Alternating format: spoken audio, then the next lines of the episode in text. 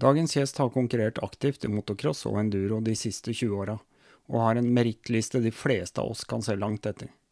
Fullført 13 Gotland Grand Nationals, 8 norgescupgull, 3 norgescupsølv, 1 NM-gull, 1 NM-sølv, 2 NM bronse, deltakelse i SM, EM, nordisk og VM, 5 sammenlagtseiere i Allstar motocross, lisensiert trener for motocross og enduro. Du lytter til Rally Nord-podkast. Mitt navn er Dennis Travolta.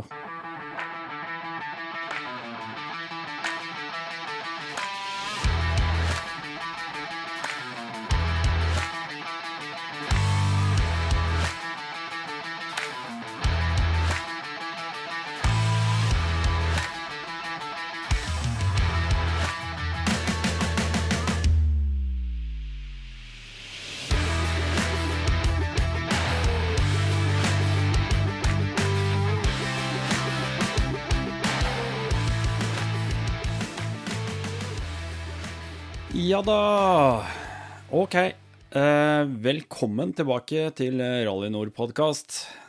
Det er jo Dennis Travolta, din eh, vanlige vert her på kanalen, som snakker.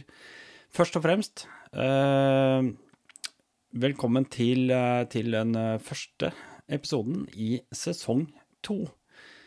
Vi snakker da selvfølgelig om 2022, og jeg er fryktelig spent. Eh, har tenkt mye, har grubla en del, og bestilt en del eh, saker og ting som ikke har uh, ramla helt inn i posten enda, men eh, det tror jeg eh, bare er å glede seg til.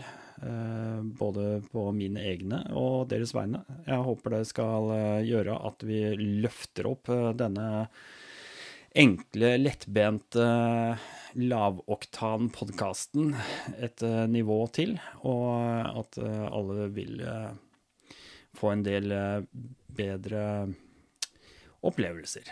Så, men vi har eh, selvfølgelig eh, en gjest med i dag også. Jeg liker sjelden å sitte bare og prate for meg sjøl. Det har skjedd noen ganger. Men, eh, men det er klart det er alltid hyggelig å invitere folk inn som, som har en historie, har noe å fortelle, og er interessante mennesker som vi alle vil gjerne bli bedre kjent med. Og uten at jeg skal røpe for mye, så skal vi bare hoppe rett i det, og så skal vi ringe opp dagens gjest. Og da er jeg spent på om vi får en riktig linje og en god tone. Det ringer, det ringer. Hallo, ja. Hallo, dette er Dennis Travolta som ringer. Ja, hei du. Er. Du, jeg eh, har allerede introdusert deg litt for lytteren. Eh, Og jeg, eh, jeg spår da at vi kommer til å ha en veldig spennende, spennende episode her nå, altså. ja, jeg håper det. Du Irene, før vi går i gang med å, å snakke veldig mye om dine meritter og sånne ting, eh, kan ikke du fortelle litt grann hvor du holder til, da? Jo, eh, jeg bor på Fosser Ja. i Aurskog-Høland. Ja. eh, På et småbruk der med samboer eh, og mange motorsykler. Og mange motorsykler. ja. Ja. Eh, Aurskog-Høland, det ligger vel sånn cirka rett øst for Oslo, nesten? ja. Mot svenskegrensa? Ja. ja, rett mot svenskegrensa. Så vi, det hender det er en tur i Sverige. ja. Så da har du egentlig eh, et kjempeparadis rett utenfor døra, hvis du har lyst til å gå ut og frese litt. Ja, det Mm. har vi. Alle muligheter her. Ja. Eh, du, vet du hva, jeg, jeg, jeg tok jo sporenstreks kontakt med deg her. eh, det var vel eh, bare ti timer etter at du posta et innlegg på, på Facebook.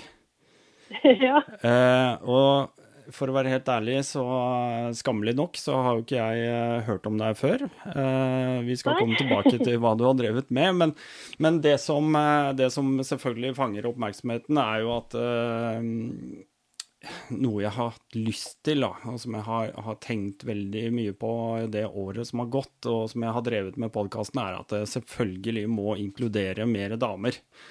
Og, og, og liksom dytte fram og fremme også kvinnelige motorsyklister. Eh, Det er veldig viktig. Og eh, ja, da, da når du melder deg, melder deg så til de grader på, så tenkte jeg her må jeg bare ringe med en gang. Eh, Men eh, Ja, det, ja. det gikk fort, dette her. Ja, det gikk fort, ja. Skal vi se. Eh, jeg tenker Den siden, eller det eh, Den Facebook-gruppa som du oppretta, det er et resultat av eh, en, eh, en lang karriere. Du har jo kjørt både, både motocross og enduro i mange, mange år. Men skal vi ta opptakten til det? Altså, når er det du begynte å kjøre motorsykkel? Når var det du liksom kom i gang med å, å finne deg på to hjul? Eh, Ja, tohjul, det var egentlig ganske tidlig.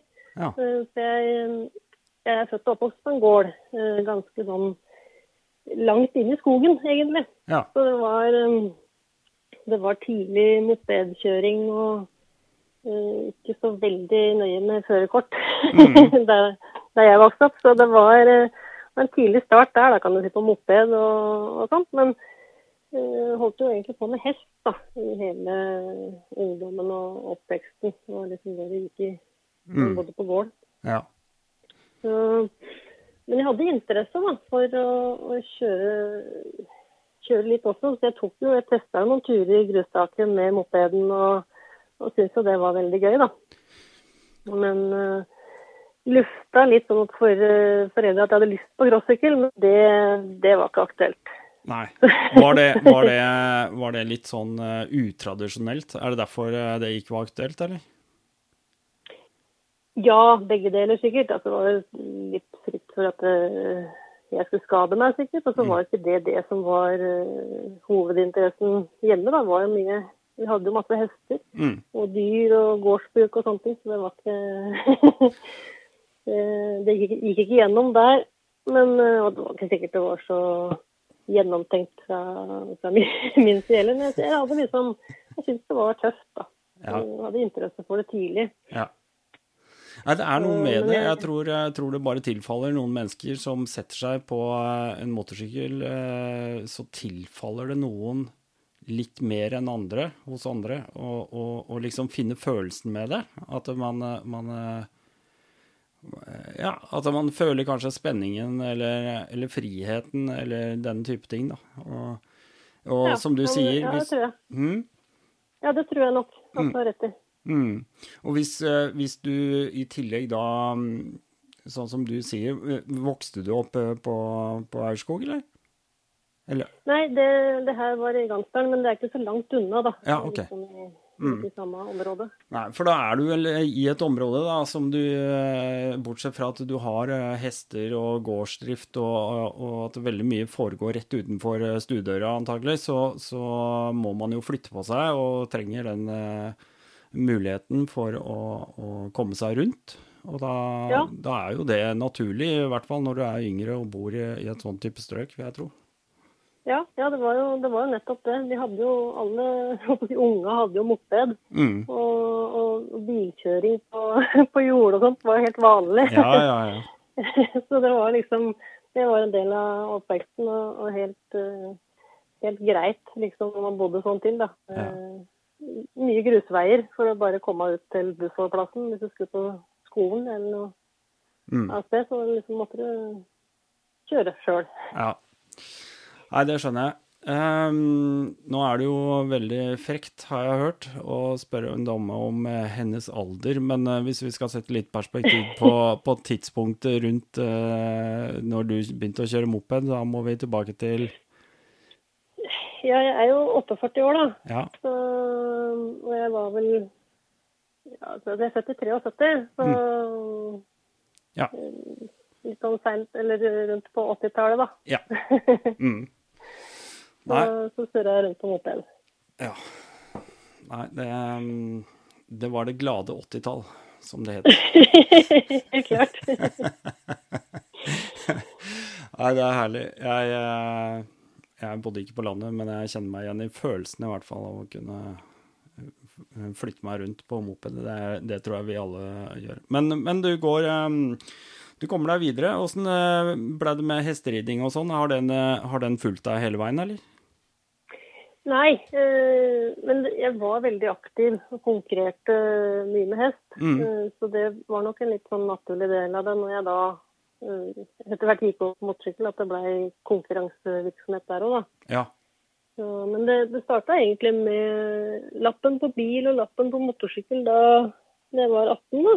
Ja. Og så kjøpte jeg meg en gammel VFR, han var ikke så gammel da, men uh, en 7-8 modell VFR som jeg kjørte rundt med og dro mye på motorsykkeltreff. Ja. Mm, var jo, er jo fortsatt veldig masse MC-treff. Det var en NMSU-kalenderen, holdt jeg på å si. Det var masse mm masse muligheter for å dra på treff og, og treffe folk som drev med motorsykkel, både sommer og vinter. Og vinteren så var vi jo på klubbhus rundt omkring og festa. På sommeren så var vi ute og kjørte motorsykkel og, og festa. Ja. Nei, det er, eh, det er, gull, altså. Det er så herlig å, å, få lov til å være en del av et sånt uh, inkluderende og artig miljø, og, og, ikke minst allsidig miljø. Uh, det ja. å kjøre på motorsykkel, det Jeg tror nok for en, mot, en, som ikke kjører motorsykkel, så er liksom motorsykkel bare Ja, ja, det er det er en tohjuling med motor. Uh, mens for oss som kanskje er litt mer innvidd, så vet vi jo det at vi har ufattelig mange typer motorsykler. og når det gjelder konkurranse, så har vi veldig mange forskjellige grener innen motorsykkel og, sånne ting. Uh, og, og, da vil jeg jo tro at uh, når du har kjørt uh, rundt på diverse treff og festa rundt omkring, så, så, kommer det en mulighet for deg til å, prøve deg litt, da. På noe litt mer ja, fartsfylt kjøring, må jeg kalle det. Hvis, ja. hvis, vi kan si det sånn. Ja, for du kan jo si at den motorsykkeltilværelsen der, da, den, eh, der, det var jo der jeg møtte samboeren, da, mm. Erik Falla. Ja.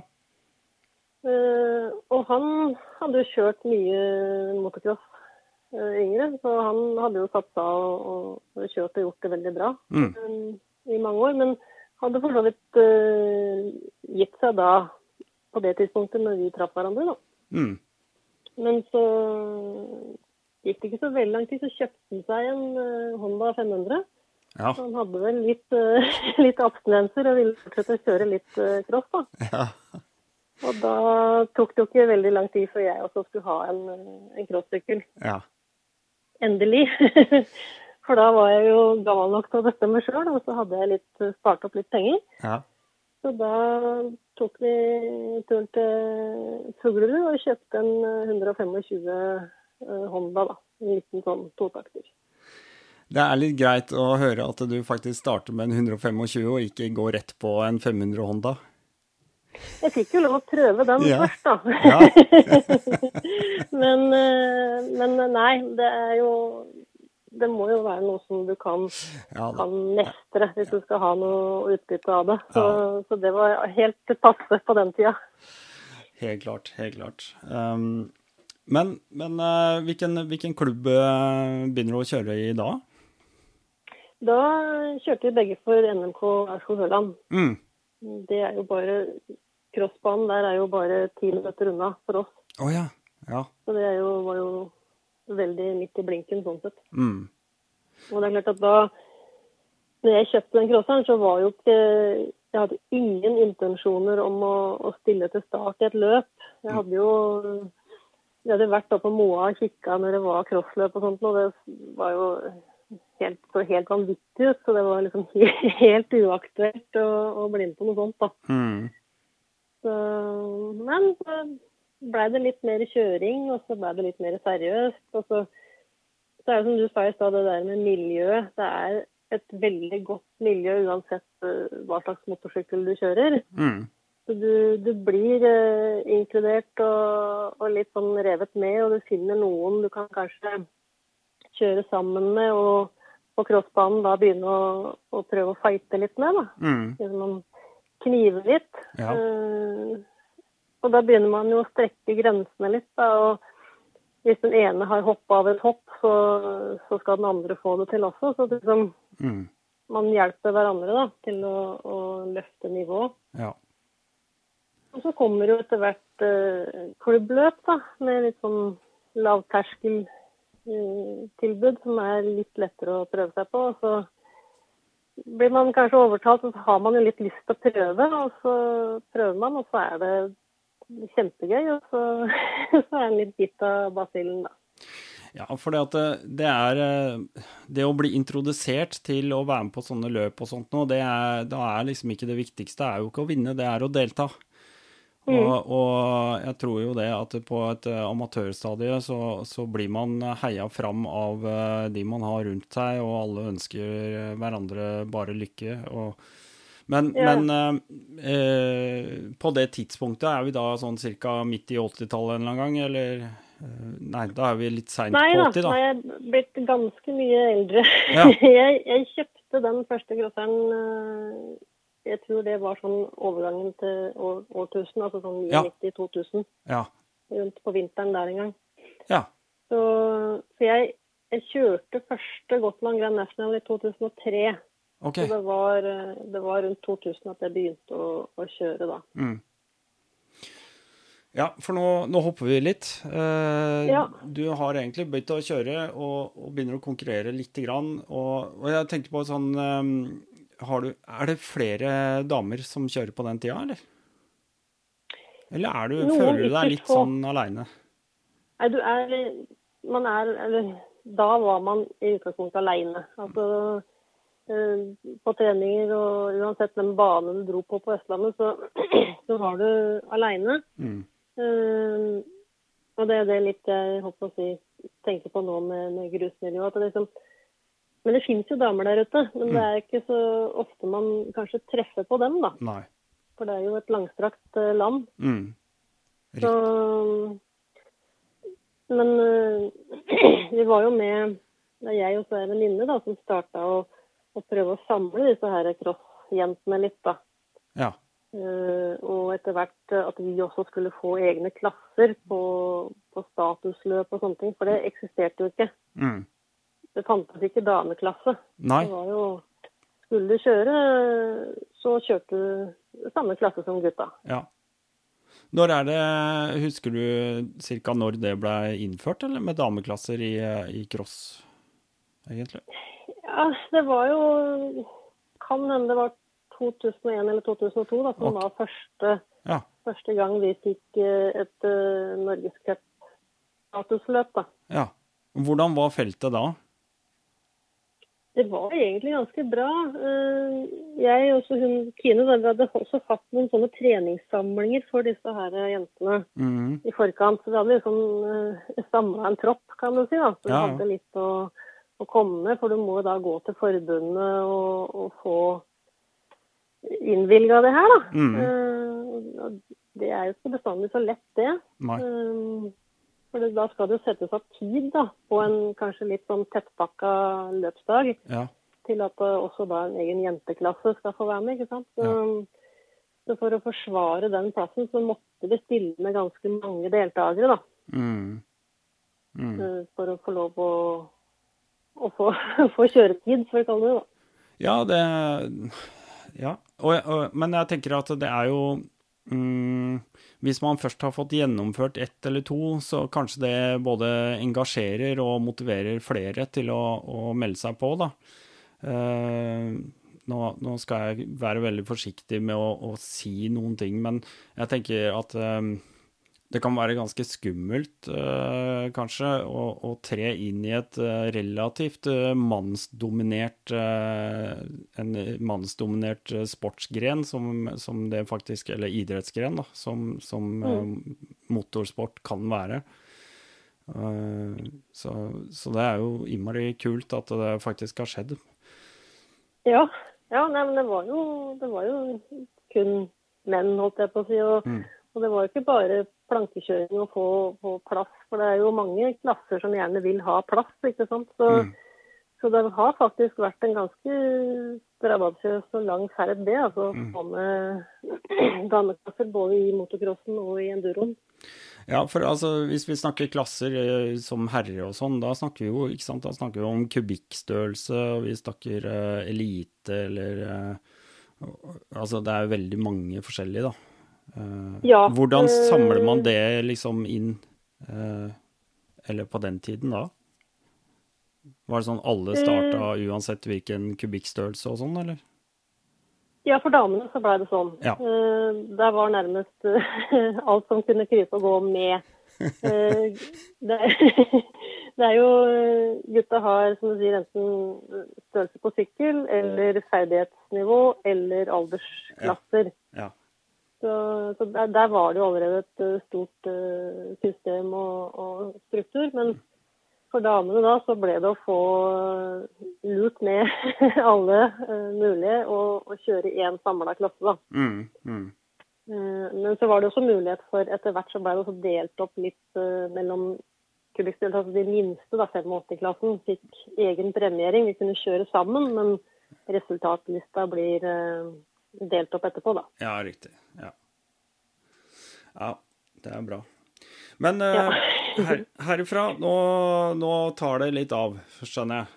For på et eller annet tidspunkt nå så, så begynner eh, horna i panna å vokse litt, og antageligvis så, så har suget på diverse resultater begynt å komme litt mer. Og, og ikke bare det, men du begynner å utforske kanskje en del forskjellige grener. Eh, vi snakker jo om motocross for øyeblikket, men eh, så nevner du jo Gotland Grand National. Og da veit jo jeg også at, eh, at vi eh, snakker om noe helt annet igjen. Da er vi mer er inne på enduroen. enduro. Ja. Mm. Selv om akkurat eh, Gotland eh, er et løp med, med veldig mange crossførere. Ja. For det er jo et, eh, det er, det er en brei og fin bane, og det er veldig mange med. Det er jo verdens største enduroløp. Mm. Um, så det er for så vidt for crossførere, men det er et, et enduroløp, da. Mm. Det er det. Um, grunnen til at jeg begynte med enduro, var egentlig det at uh, crossbanene er ofte, eller i hvert fall i perioder, stengt da, på vår og høst, særlig når det er vårløsning og, og når det er bløtt og sånn, så stenger jo de. Ja. Og da blir det jo begrensa med treningsmuligheter. Hvis du liksom har lyst til å bli eh, god, da, så Ja. må du nesten trene hele året. Eller i hvert fall forholdsvis mye. ja. Så, og i tillegg så bør du gjerne trene på uh, at det er vått, at det er sporete, at det er gjørmete, møkkete, sånne ting. At du er god på det òg, da. All slags vær og føre. Mm. Og da skjønte jeg at det gikk jo fint an å kjøre enduro, fordi enduroløypa er stort sett oppe uansett vær og føre, om det er en halvmeter snø eller Ja, for det at der i en enduroløype så er det gjerne ikke noe særlig prepping, og det er liksom ikke snakk om å holde platåene ved like osv. osv. Det er eh, mer bare løyper som eh, naturlig blir eh, kjørt opp i diverse terreng. Og så Ja. er det kanskje klubben eh, går inn eh, innimellom og har litt dugnader og liksom fyller igjen noe høl og legger ut noen broer eller hva som helst. og fungerer kanskje litt mer helårs eh, på den måten. Og så er jo vann og myr og alt dette, det er mer en, en naturlig del av endurokjøringa. Ja. Ja. og, og kanskje skiller seg ut fra crossen på den måten. I, I tillegg til at det er mye lengre hit, eller ikke hit, men altså at det er eh, det varer, Varigheten er lengre, da. Så, ja. Var det første utenlandstur, eller? I 2003 med Gotland? Ja, det må det vel nesten ha vært. Mm. Første konkurranse sånn i utlandet. Noe kjøring, kanskje noe trening i, i Sverige. Mm. Men eh, det var nok eh, ja, første utenlandsturen sånn ordentlig. Mm. Ja, det er eh, utrolig artig å være med. Jeg har deltatt en gang i hvert fall sjøl. Ja, ja, da veit du åssen det ser ut der. Ja, jeg husker det. Jeg husker det. Um, kunne vært et mål for min egen del, kanskje, og så fått i hvert fall deltatt en gang til. om ikke annet. Ja. Men det er eh, absolutt mulig. Selvfølgelig. Men eh, du går eh, Du går hodestups inn i dette, du. Og, eh, og etter hvert så, så blir jo crossen veldig tydeligvis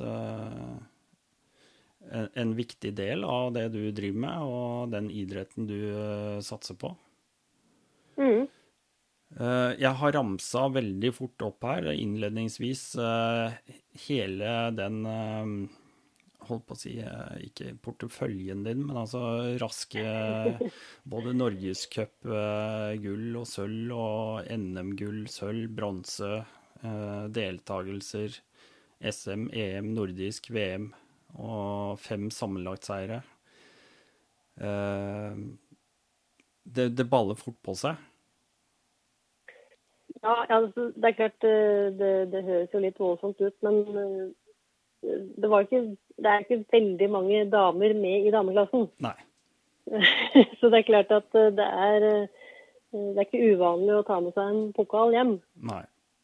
Men, men samtidig så er det jo, var det jo ikke bare plankekjøring heller. Altså, alt skal, det skal gjennomføres, og, og, man kjører like lenge som gutta. Man kjører akkurat like vanskelig terreng som gutta. Mm. Eh, du må legge mye, like mye tid og krefter og trening og penger i det hele. Mm. Du må serve sykkelen din sjøl.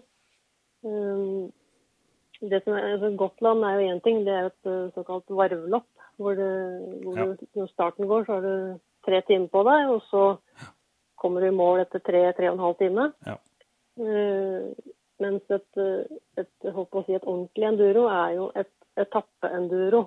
Mm. Uh, som går ut fra Park Fermé, og så er det en start, uh, et depot, og så kjører du en transport, og så kommer du til en fartsprøve. Mm. Så kjører du sånn som et bilrally nærmest, da. så du kjører fartsprøven, og så er det en transport til neste fartsprøve. Ja. Og så holder du på sånn, og det, og det går over eh, fem, seks, sju, åtte timer. Mm. Eh, så, og da og er du også avhengig av å klare å serve sykkelen din sjøl mm, underveis hvis noe ryker. Mm. Så må du også klare å skru og mekke og komme deg videre på egen hånd. Mm. Ja, da tar vi en liten eh, pause fra Irene Askeland, eh, for jeg må jo bare bryte inn og eh, få lov til å takke mine patrons. Mine faste støttespillere som daglig bidrar, eller månedlig bidrar med noen små donasjoner. De har da valgt innenfor en del pakker som ligger der. Det er Rally 25, Rally 50 og Rally 100. Uh, og dette er jo egentlig ikke så veldig mye penger i forhold til hva du tjener i løpet av en måned. Jeg tenker at hvis du går ned og kjøper deg en kaffe, hvis du har lyst til å sponse meg med en kaffekopp, så, så, er det egentlig det vi snakker om. Men mange bekker små, osv. Uh, jeg har akkurat nå satt meg ned og holdt på i går med å sette opp et uh, budsjett for uh, eh, 2022.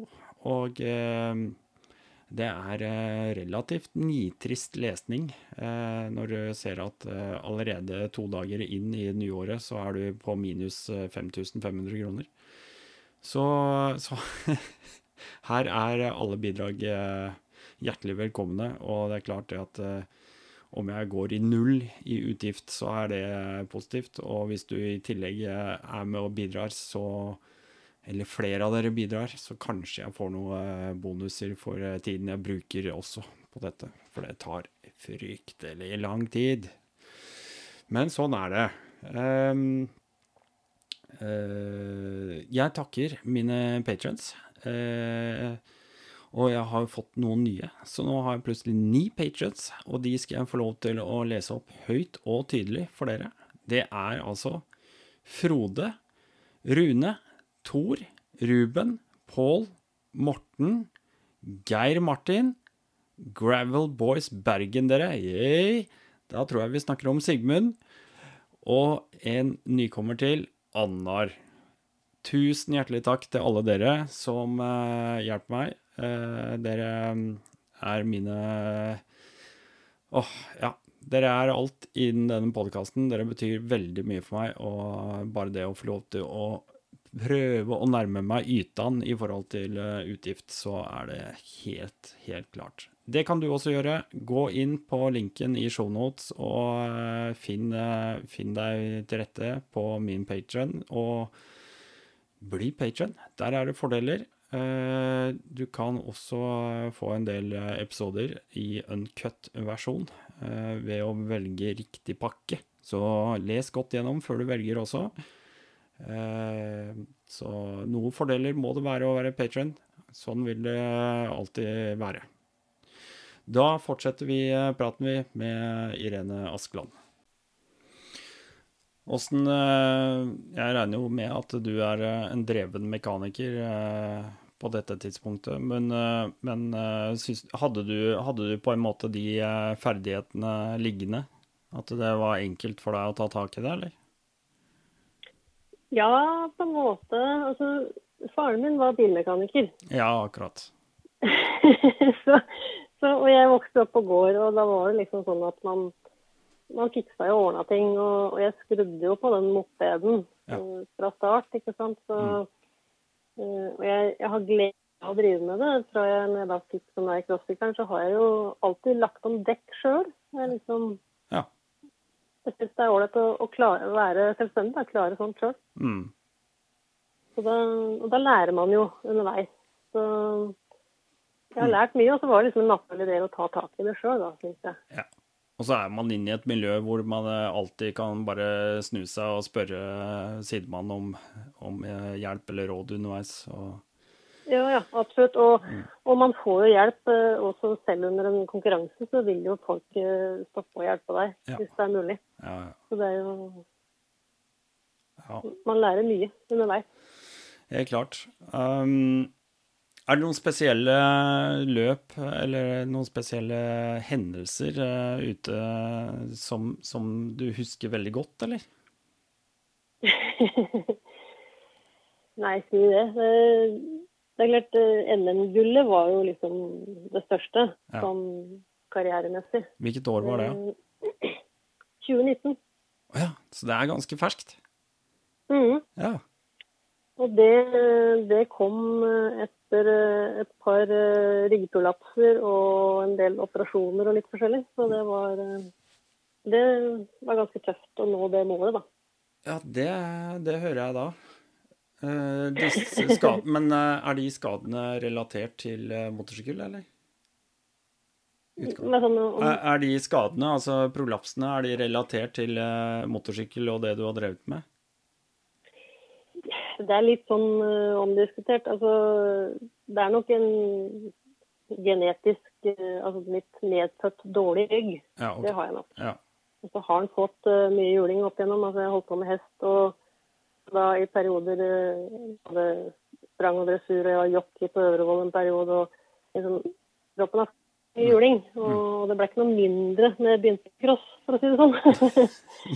Nei og enduro for den saks skyld. Så det er klart at det er nok eh, en summen av det hele som, ja. Eh, som endte sånn, da. Men det, det, er en eh, stor og viktig seier, da, uansett. Det... Ja da, det, det, var stort for meg, det. Men er du da i 2019 eh, Du nevner jo at du har ca. 20 års karriere bak deg nå, til nå i hvert fall. Mm. Eh, mm. Er, er, er det lenge igjen etter det at du begynner å tenke på å legge inn årene, eller? Jeg har for så vidt aldri ønska det sjøl, men, eh, men, den ryggproblematikken den har egentlig utvikla seg videre. Mm. Så jeg, jeg, endte opp Altså, jeg, jeg kjørte eh, eller deltok på, på lag-VM på Sixdays det året, men det, det, var liksom siste slutten. Og så dro jeg rett hjem og tok en større operasjon på et privat sykehus i Bergen. Okay. Så for det viste seg litt sånn håpløst å få noe særlig hjelp til det her i det offentlige. Mm. Endte opp med å ta det privat, da. Og, og da var det Da sto det egentlig mellom å, å, gjøre det her eller å bli sengeliggende. Uff, ja. Så det var liksom ikke så mye å lure på den gangen. da. Nei. Så, men eh, Jeg er nå på beina nå, men, men, eh, helt bra blir jeg nok ikke. Så, det er nok ikke så lurt, kanskje. Blir kroppen bedre, så, så har jeg lyst til å kjøre. Men foreløpig så må jeg jo tenke å sette helsa først, og så mm. drive med rehabilitering og og svømming og litt sånt isteden. Ja. Nei, det er jo for så vidt ikke noe dårlig trening å svømme heller, sånn generelt sett, da. Nei da, jeg er glad i å trene. Så det er godt. Ja. Men eh, allikevel, eh, masse meritter på crossbanen, men har gjennomf gjennomført, eh, eller fullført 13 stykk Gotland Grand Nationals. Mm. Det er ganske heftig, da. ja da, det, det blei mange. Det blei en sånn fast uh, tradisjon da, hver høst, eller første helga i november som regel. er det løpet, og da dro vi alltid dit da, som en slags avslutning på sesongen. Var det en sånn, der, var det en sånn eh, organisert tur med, med disse her Allstars-bussen og de greiene, eller? Ja, Ja. eh, de første gangene så var det det. Ja. Eh, Med Haaland som organiserte det. Ja. Det var kanskje der du var med, eller? Ja, det var det. Jeg, eh, Ja. men jeg tror jeg var der i, i, i 2001, hvis jeg ikke husker helt feil. Ja. Eh, Jeg mener det var det året jeg eh, var med. Mhm. Mm var- jeg har aldri vært noe god, men eh, det var et par sesonger jeg kjørte litt eh, enduro. eh, Bare sånn for moro. Og Ja. var med på det jeg kunne, i hvert fall. Jeg kjørte i Borg MC på den tida. ja. Jo, men det er moro. Ja da, visst er det gøy. Visst er det gøy. Men eh, for meg så ble det for vanskelig. Det var eh, økonomi. Altså det er som du sier, da. Det koster penger og det tar tid. Og hvis du skal trene tre ganger i uka og kanskje være med på løp en gang i måneden, så, så må du begynne å legge ned ganske mye i det. Um, Mm. Og det er klart at eh, for min del så var jo ikke det så veldig greit i forhold til dette her med ja, det, det var ikke så veldig familievennlig når du ikke har en, eh, en, en fullblods eh, motorinteressert eh, familie. Jeg tror det er litt lettere å få gjennomslag for egne drømmer og disse her tingene da. Åssen har, ja, har det vært i forhold til deg og Erik opp igjennom? Har det, er det familie og sånt som har vært, vært holdt på å si, betingelser underveis?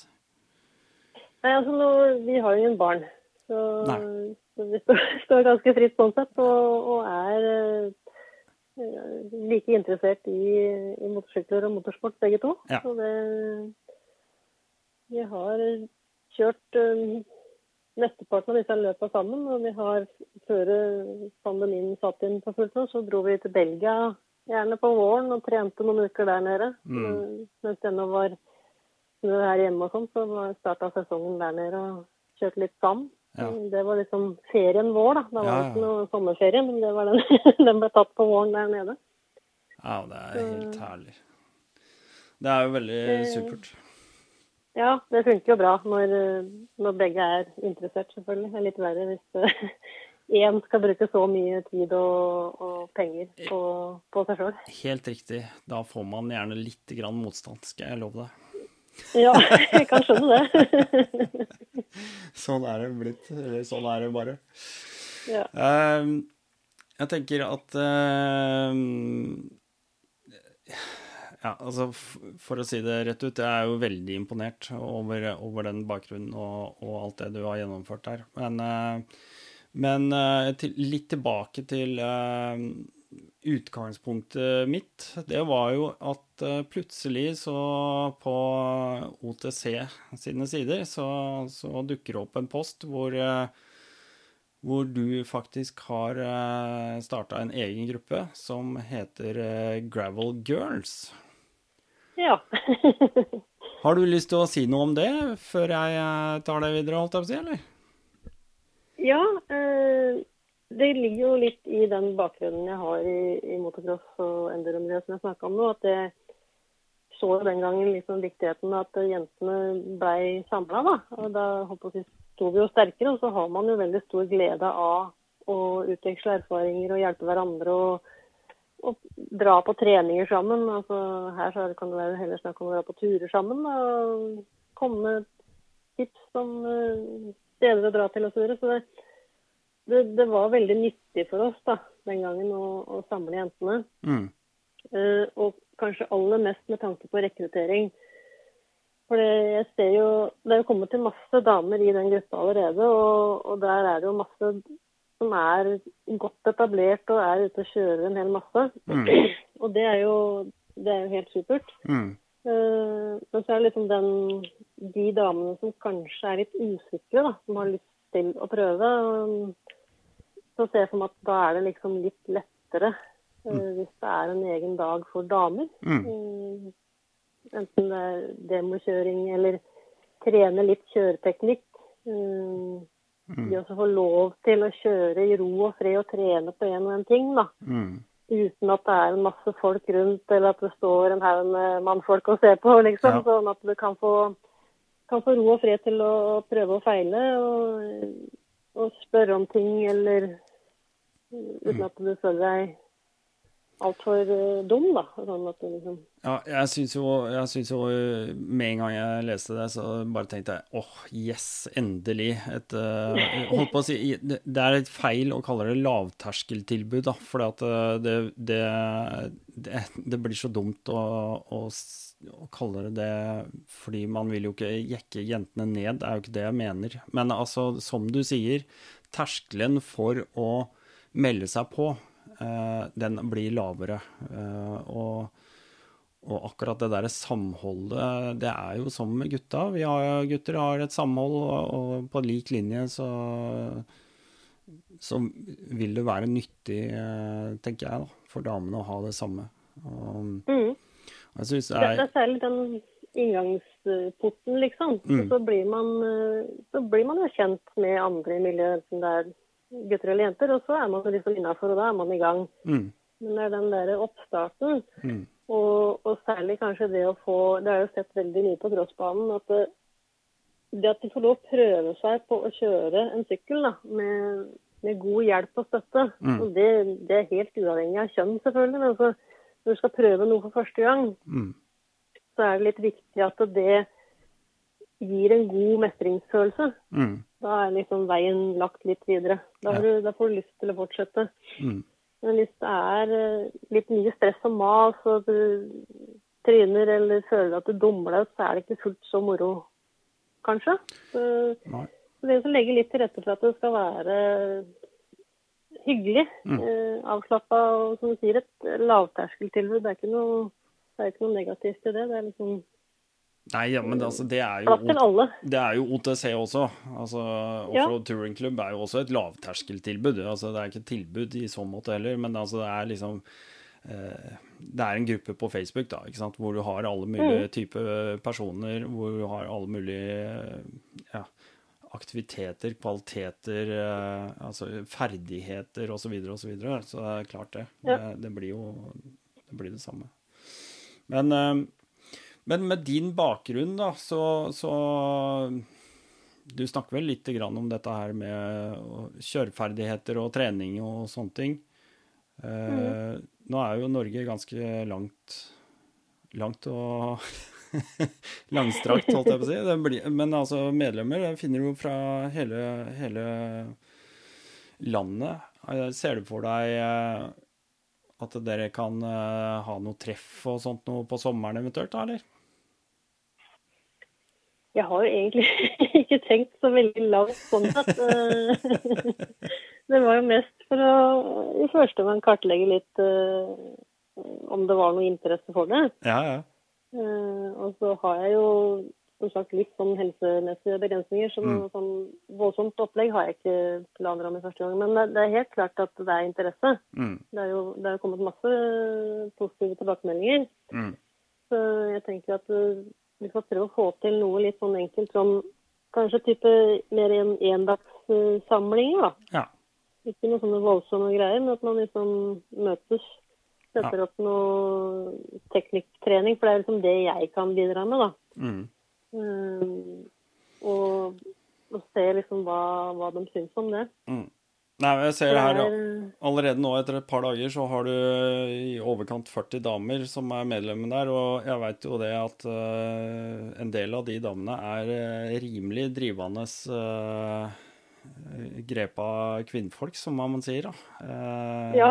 Og som har masse erfaring, og som har eh, ja, kjørt hundretusenvis av kilometer på både sleipt føre og grus og snø og i det hele tatt. Så det er klart, her er det veldig mange mange ja, hva skal jeg si, ildsjeler for, for, damer. Og, og det, det, er veldig godt at dere kan ha et sånt litt sånn selvdyrkende miljø. Det, det ønsker jeg virkelig at dere får. altså.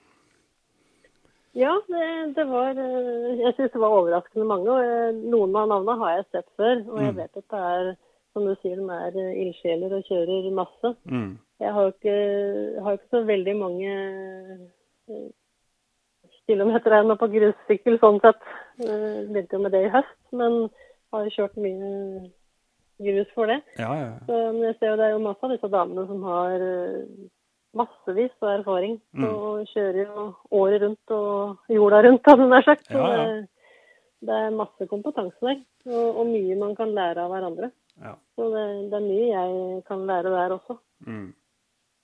Nei, for det har vært en, litt av min tanke er jo, som jeg sier til deg, har prøvd å egentlig tenkt jeg skulle dra med mer damer inn i podkasten også, for å, for å, på en måte høre deres historier og deres versjoner. og det, det, det, er sikkert en del eh, Skal vi si, ja eh, Man kan ha like Man kan ha erfaringer da, fra samme type kjøring eller samme type områder, eller kanskje det kan være steder man har vært eh, som mann og kvinne, men ha veldig forskjellige opplevelser av det.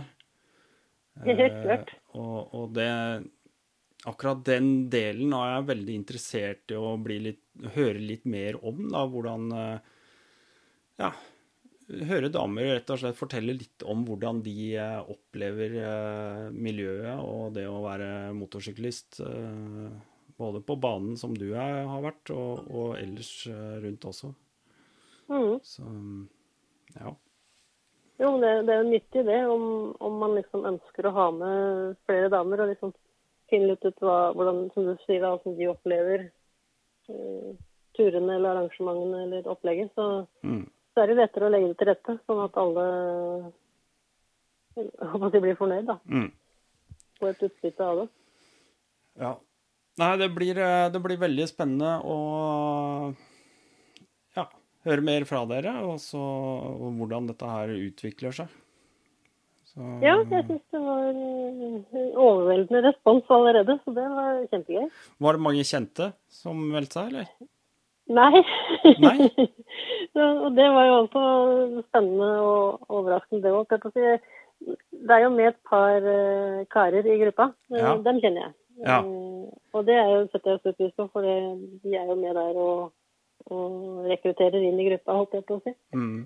Så men det er jo fra cross- og enduro-miljøet at jeg kjenner disse. Ja. Damene så er det bare et par stykker Altså jeg har lest, jeg har sett navnene på OTC-gruppa og sånt. Mm. Så, men utover det så er det, er det, ingen av dem jeg kjenner. Eh, jeg har møtt en av damene på tur én gang, men ellers eh, så blir det mange nye bekjentskaper, ser det ut til. Ja, det er veldig spennende. Og det er moro. Det er veldig spennende. Men jeg tenker på, er det Uh, snakke litt om det, da. Eh, det, er jo, det, er jo, stadig flere kvinnelige motorsyklister. Og jeg syns jo det er veldig hyggelig å se den rekrutteringen som er for, nå om dagen. hver vår så popper det opp en hel haug med 125 kubikkere. Det virker som at Eh, moped eh, på en måte er litt ut, og at eh, det nye inn, det er 125, altså lett motorsykkel. Og jeg ser stadig vekk flere og flere yngre jenter, altså fra 16 og oppover, som, som kjører 125, noe jeg syns er veldig bra for rekruttering og, og sånne ting. Um, og så er det jo, av de som på en måte er godt etablert, så har det jo vært veldig mye skal vi si, asfaltkjøring, da. Og, og eh, kanskje litt svingete veier og dra ned til Alpene og dra nedover i Europa på sommeren og sånt noe. Men, uh, og mm. treff og, og, sånt noe. Men uh, det er kanskje Er det Er det er det veldig mange som våger seg ut på, på, grusen. Det virker litt sånn at det er, det er noe som stopper opp litt der. Uh, vet ikke, Er det noe du kan bekrefte eller avkrefte? Eh, nei, jeg er jo ikke så som sagt, godt kjent i, i det miljøet. Men jeg, jeg, tenker jo det, jeg også, at eh, det er det litt skumle med, med et løst underlag, da. Mm. Mm, At eh, man møter på uh, dype spor eller løs sand eller løs grus i en sving, og så, så føles det utrygt. Mm. Mm, Det tror jeg kanskje er eh, utfordringa for en del. Men på den annen side så har jeg også møtt eh, damer som sier at eh, jeg er utrygg på grus, og derfor så har jeg kjøpt meg en grussykkel fordi at jeg skal bli bedre på det. Mm. Og det er jo måten å gjøre det på. Mm. Um, og så tenker jeg jo, med min erfaring, da, så er liksom det å lese underlaget, Mm. det er jo alfa og omega når du skal kjøre så fort du kan i mange timer Ja. på et eh, variert underlag. Så det er liksom det jeg håper jeg kan bidra med. At eh, litt sånn tips og triks og, og liksom bli mer komfortabel da, på Mm. det varierte underlaget. Ja. For det kan nok være en sånn eh, overgang at det er, det er jo på en måte lettere å kjøre på asfalt. Ja. Eh, Ja, ja. Ja. Selv om det, det er krevende å kjøre fort på asfalt, men som, liksom, liksom bare som eh, hobbykjører, så er det mye lettere å kjøre på asfaltveien. Ja. Um, og så blir det kanskje lite gruskjøring, eller lite sånn glatt eller sølete. Så, så de få gangene du møter, så blir det Mm. en litt sånn negativ opplevelse, istedenfor at det er en morsom utfordring, da. Mm. Nei, jeg tror nok det. Altså, veldig mange, uansett eh, kjønn, holdt jeg på å si, har jo, har jo masse å lære av å begynne å kjøre grus. For det første så må du jo begynne å resette alt det du har lært om å kjøre på asfalt, på en måte. Eh, Ja. For det første kan du ikke begynne å legge deg ned og kneskrape eh, i svingen på en grusvei. Eh, Det, det går som regel fryktelig dårlig. Og bare sånne enkle ting som å sitte rett i ryggen, eh, holde seg over sykkelen, eh, slippe ut litt luft av dekka. Sånne ting som, som bidrar da, til å stabilisere og, og gjøre deg mer trygg. Mm. Sette seg litt framover mot tanken osv. Det, det, er jo, det er jo bare enkle ting og justeringer Ja. som må til før man på en måte får en helt annen opplevelse av det å kjøre på løst underlag. Ja, ja, det er nettopp det. Mm. Eh, og, og som du sier, så den jeg, Vi er jo veldig oppsatt på oppsett av sykkel er viktig. ikke sant? Mm. At du justerer bremser, kløtsjen, gass. At ting sitter komfortabelt, så du kan bruke det eh, riktig. da. Mm. Så alle sånne ting som oppsett av sykkel, liksom være bevisst på dekk og underlag og lufttrykk og kjørestilling. Altså hvor, hvor har du vekta di hen på sykkelen? Mm. Mm, Sporvalg. Det er jo masse du kan gjøre. liksom Sånne små ting som du sier. Og så tror jeg det er viktig å bryte opp det litt og trene på de små tingene. Mm. uh, i, I et rolig og fint tempo. Og så, og så kommer mer flyten og, og farta eventuelt. At i hvert fall tryggheten kommer jo da av seg sjøl, da. Mm. Etter hvert. Det er veldig, veldig kult å høre at eh, du kan være med og bidra til at eh, folk eh, lærer noe om det. Det er, det er innmari kult. Ja, jeg håper det. Det hadde vært veldig moro. Mm. Absolutt. Ja, er det noe, er det noe sånn annet du Andre oppfordringer eller eh, ting du har lyst til å komme med? Nei det, det er jo veldig mange tøffe damer og tøffe kjørere fra før av, men det er klart at det, det er særlig de som har lyst til å prøve, da. Mm. Så at de, at de tar steget ut og så tester. Det, Mm. er, det er et godt miljø, og det er masse fantastiske opplevelser og muligheter. Ja. Så det er, det er vel verdt å forsøke. ja. Blir det noe vinterkjøring med skilter på sykkelen? Eh, Jeg har bare piggdekk på endrosykkelen Ja. foreløpig. Ja. Så det er litt andre dekkdimensjoner på den eh, DB-en som ble kjøpt inn her i høst. Så jeg, jeg får se den litt. Det er som sagt eh, Kroppen skal spille på lag òg, så det er ikke sikkert det blir eh, på den med en gang. Men eh, det er, det er veldig gøy å kjøre om vinteren. ja, det er det. Så jeg håper på litt fint vinterføre og, og noen turer med endrosykkelen i hvert fall. Mm. Ja. Nei, vi får uh, håpe våren kommer tidlig i år også, så, um, så vi får strekt Absolutt. ut uh, MC-sesongen for uh, 2022 lite grann. Ja. vi trenger vi, det. Vi sitter jo her nå. Det er, det er 1. januar. Det er første nyttårsdag. Mm. Åssen var feiringa i år? Veldig rolig avslappa. Ja. Eh, det skjer ikke så mye her eh, på nyttårsaften. Altså, det er litt uh, god mat og, og litt et, et, glass hvitvin til maten for min del, og så ja. ellers veldig avslappa. Ja. Mm. er så ferdig med den feiringa, vi, da, egentlig. ja, det er, det er liksom begrensa hvor spennende det er hvert eneste år. Det Ja.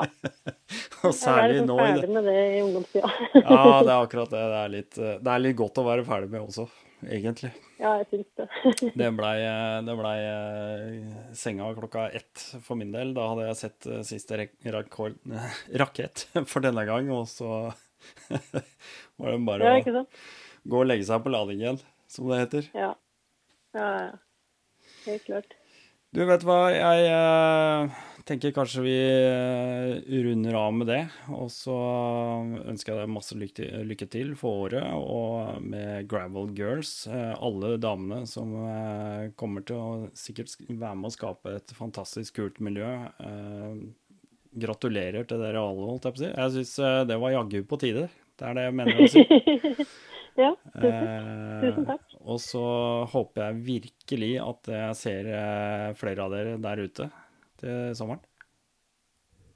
Det regner jeg med nå. ja, det tror jeg. Det tror jeg. Dere ja. får hoie og skrike litt og gjøre dere kjent. Dere får, eh, gutta får legge ut informasjon i, i gruppa. Jeg så jo det var jo andre grupper, så dere får, fordele informasjon. Så stiller sikkert damen opp. Jeg gjør så godt jeg kan. Jeg prøver å bidra ja. her med å lage en hel episode og det er jo da den første for, uh, for sesongen. Og den er viet uh, alle dere tøffe damer der ute. Tusen takk. da får du ha det riktig godt. Jo, i like måte. Og så får du bare hilse, og så får du kose deg videre. Greit. Takk skal du ha. Ha det. Ha det.